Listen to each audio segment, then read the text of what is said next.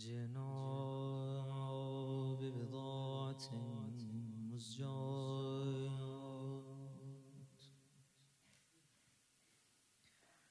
فاوف لنا الكائن وتصدق علينا.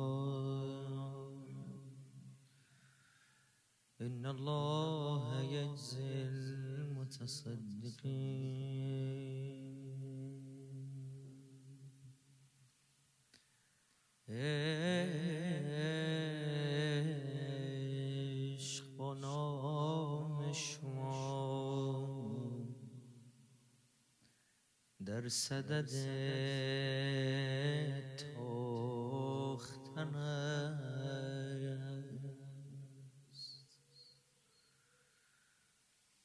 نام تو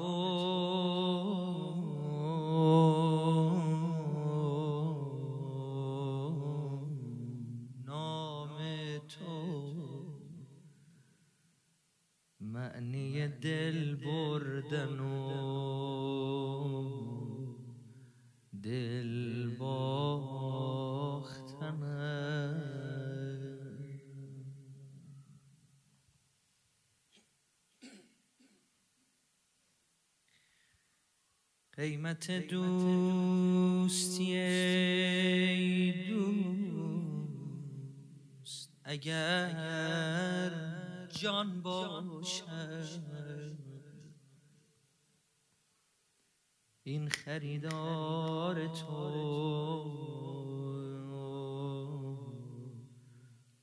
آماده پرداختن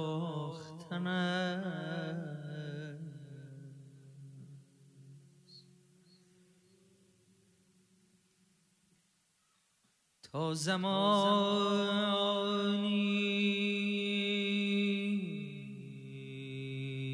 نیابیم تو را.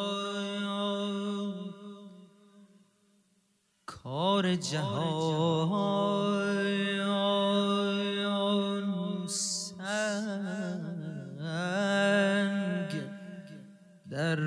برکه بیهودگی انداختن است. امام زمان.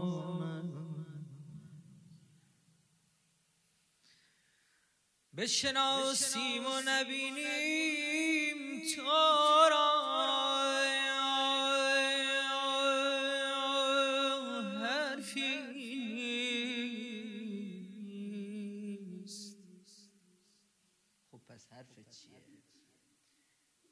همه قصه ما دیدن و نشناختن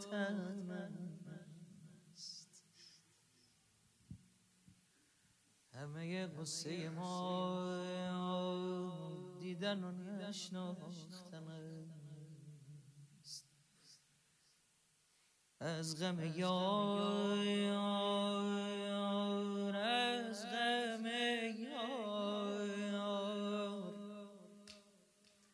بسوزیم و بسازیم.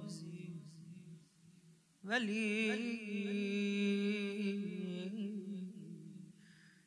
همه قصه مگر سوختن و ساختن است. امشب شبی نیست که آروم باشیم. بین همه ائمه. هر کدوم از ائمه. خدا رحمت کنه همه رفتگان بزرگانی که ما رو هدایت کردن ما رو سر این سفره نشوندن. یادی کنم از اسمش. خدا رحمت کنه آیت الله سید فاطمی نیا نقل می‌کرد از یکی از مراجع میفرمودن. می‌گفت که همه ائمه رعوف هم اما به امام رضا میگن رعوف چرا؟ چون که این رعفت تو حرم امام رضا خودشو نشون همه ائمه باب الهوائجن اما سفره موسی ابن جعفر یه چیز دیگه است. گره داری بسم الله. مشکل داری بسم الله. مریض داری حاجت داری گرفتاری بسم الله. السلام علیک یا موسی ابن جعفر. السلام علیک یا باب الهوائج دستم به دامنه این همه گدا پشت در خونت اومدیم خانه های آن کسانی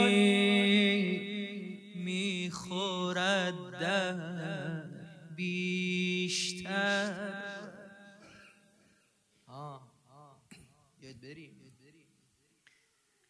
خانه های آن کسانی می‌خورد در بیشتر که به سائل می‌دهند از هر چه بهتر بیشتر. عزیز من مدیونیم به خدا به امام حسین رفیق من.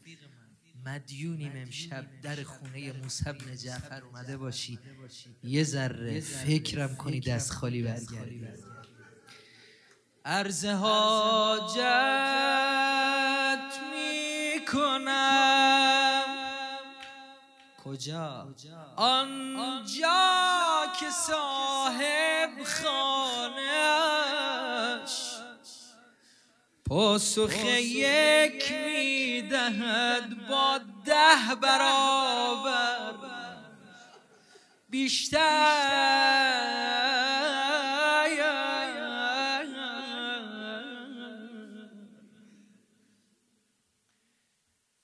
خودمو میگم زیر دین چارده معصومم اما گردنم زیر دین حضرت موسی بن جعفر بیشتر چرا پیش تو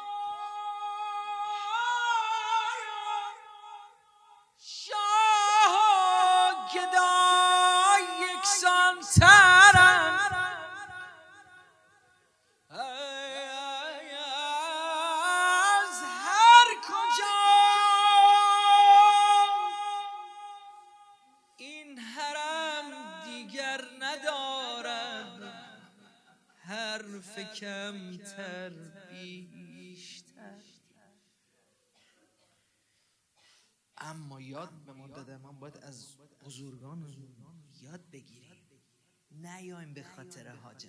باختیم ضرر کرد بیا برای گدایی. دستتو دراز کن. بگو گدام پشت در خونت.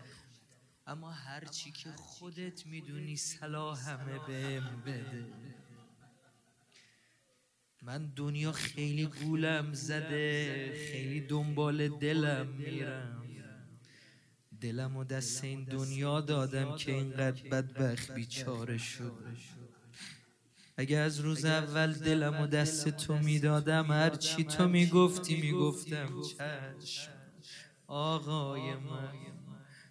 آبرویم را نریز. ای که راه انداختی. امروز و فردای مرا. چشم بر راه تو هستم. روز آخر بیشتر. از غلامان شما هم می شود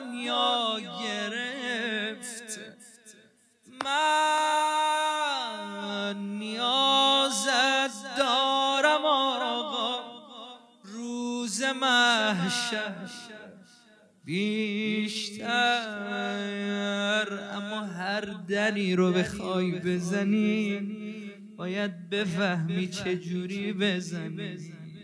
اینا کده که به ما یاد میدن. ببینم میگن گر گدا کاهل بود تقصیر صاحب خانه چیست؟ زرنگ نباشی بلد نباشی گدایی کنی تقصیر صاحب خونه چیه؟ بر تمام اهل بیت حساسی ولی جان زهرا چون شنیدم که به مادر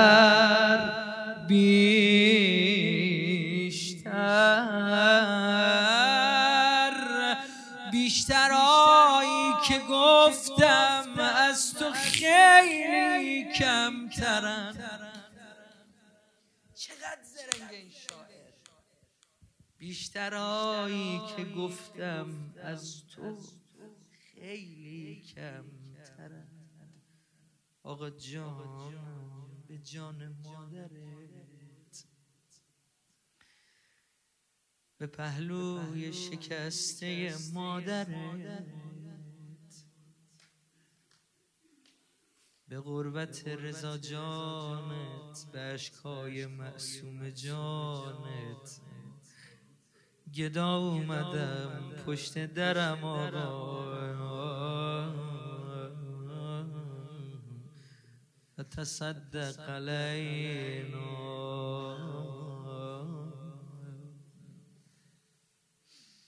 بی مقدم. روایت است که هارون به دجل کاخی ساخت. به وجد و اشرت و شادی خیشتن برداشت. روایت است که هارون به دجله کاخی ساخت. برای چی؟ به وجد و اشرت و شادی خیشتن پرداخت. مغنیان خوشاواز و مطربان در آن به گرد مسند او پای کوب و دست افشان. خب بساتی برای خودمون رو انداختیم. چیکار کنیم؟ سابق قدیما تا الان هم این رسم هست. میگن شاعر بیاد مده ما بگه. کی رو انتخاب کرد؟ شاعری که تربیت شده امام موسی بن جعفره. بگفت تا که بیاید ابو العطا به حضور. ابو عطا شاعر نام بریه کسیه برا خودش؟ گفت ابو عطا که بهتر از همه شعر میگه رو بفرستید بیاد. بگفت تا که بیاید ابوالعطا به حضور به شعر ناب فزاید بران نشاط و سرور. ابوالعطا که بر شعر و شاعریش درود زبی وفایی دنیا. زبان به نظم گشود. چیه؟ می‌خوای مدهت کنم؟ من تربیت شده موسی جعفرم. یه جوری تربیتت کنم. ز مرگ و قبر و قیامت سرود اشعاری که اشک دیده هارون ز چهره شد جاری.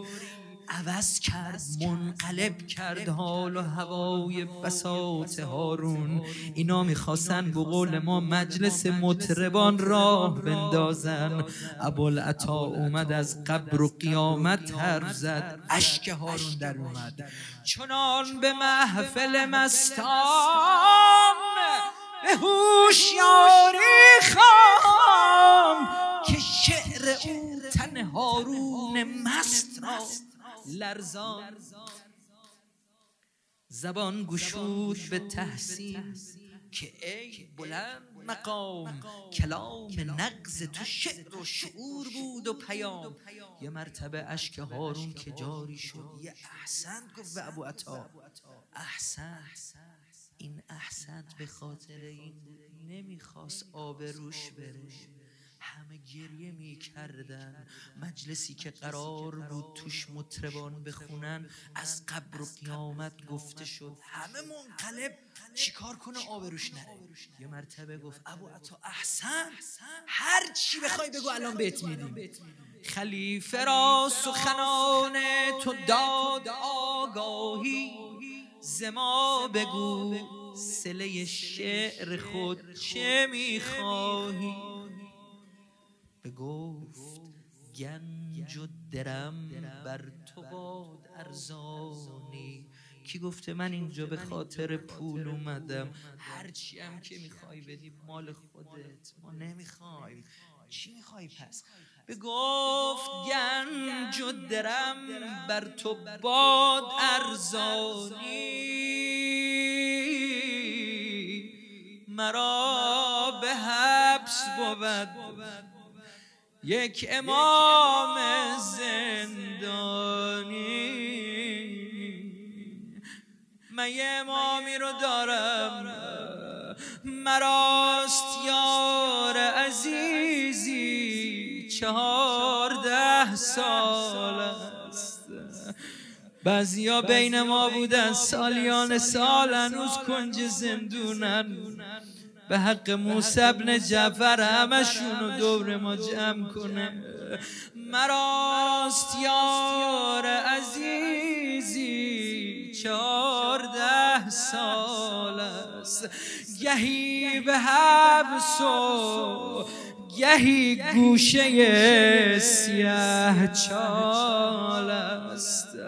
بمیرم ضعیف گشته به زیر شکنجاتن ما که ندیدیم به ما خبر آوردن. بود جراحت زنجیرها به گردن هر باری زمین می‌خوره می‌خوان بلندش کنن. ببخشد زادات خانوم ببخشه از گردن میکشیدن آقای ما رو.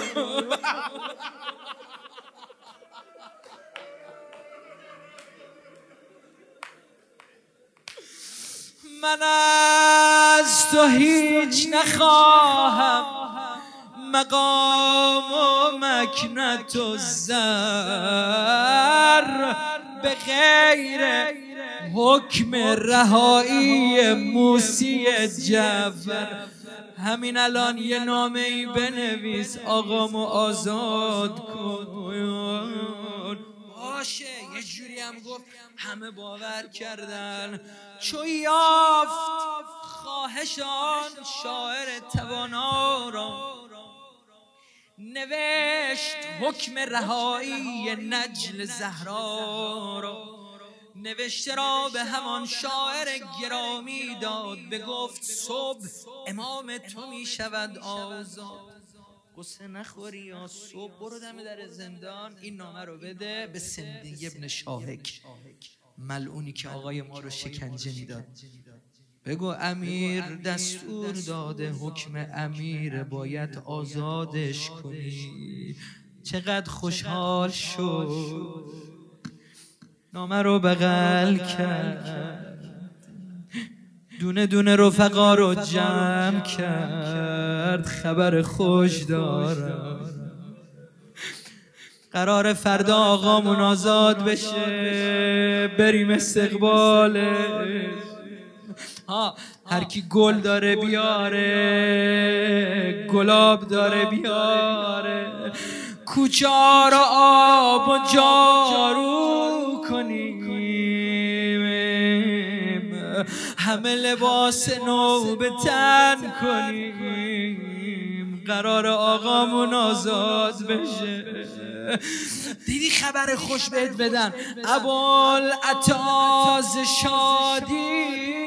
نخفت آن شب را. گشوده بود به شکران تا سهر لب را. گویم شب شبیه که باید شکر گذاری کنم. سجاده رو پهن کرد شروع کرد. حمدا لله شکرا لله بدین امید کزو قلب فاطمه شاد به وقت صبح عزیزش زهبس آزاد است. علی صباح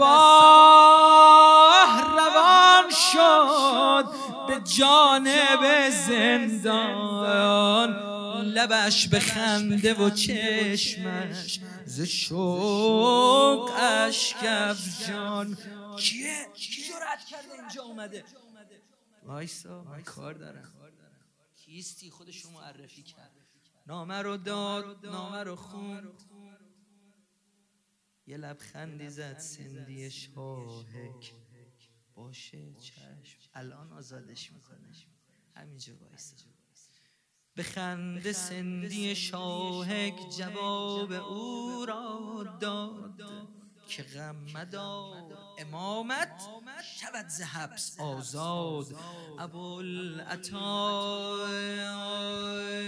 نگاهش به جانب در بود. در انتظار عزیز دل پیمبر بود. که در گشوده شد و جای امام شد برون چهار نفر. به دوششان بدنی بود روی تخته در. حتی تشیه امام ما نگفتن یه تابوت بیارن. گفتن یه کاری کنیم بیشتر خون به دلشون کنیم. یه تیکه تخته در پیدا کردن این بدن متحر رو روش هزار جان گرامی فدایان پنکر. یه نگاه کرد. خودشه.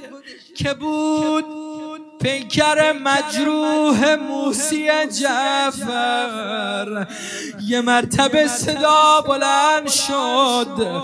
گشوده بود ستم پیشه به تعنه زبان که هست این بدن آن امام رافزیان بلند صدا زد هادا امام رافضه کجایند اونایی که دلشون خوش بود آقاشون میاد. بیاد تحویل بگیرن. اینقدر بدن آقا نحیف شده بود. اومدن برید کنار. ما خودمون نمردیم که آقامون اینجوری بیفته به این روزگار. اومدن بلند کنن این بدن.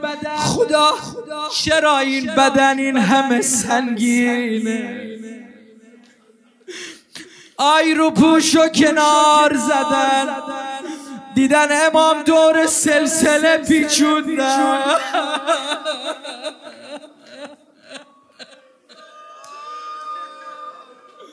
های امام موسی جعفر که جان فدای اگر چهار نفر شد شب جمعه است. مشیع بدن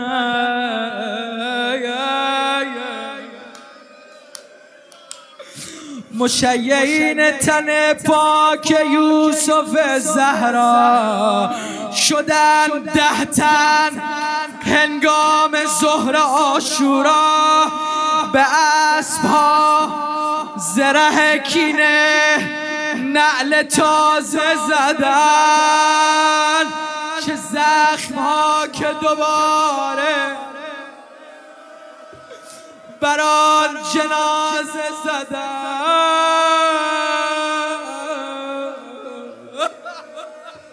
صدای استخون شکستش می‌رسی.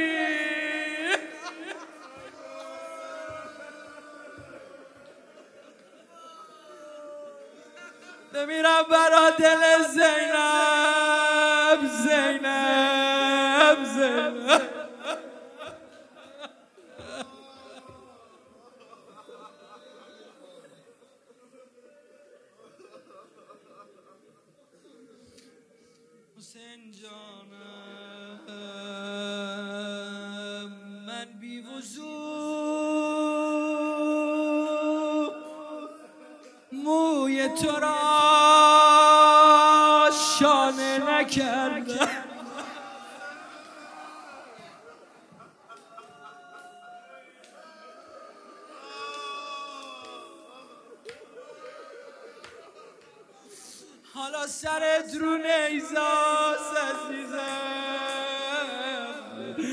تنت زیر سم از باز عزیزم.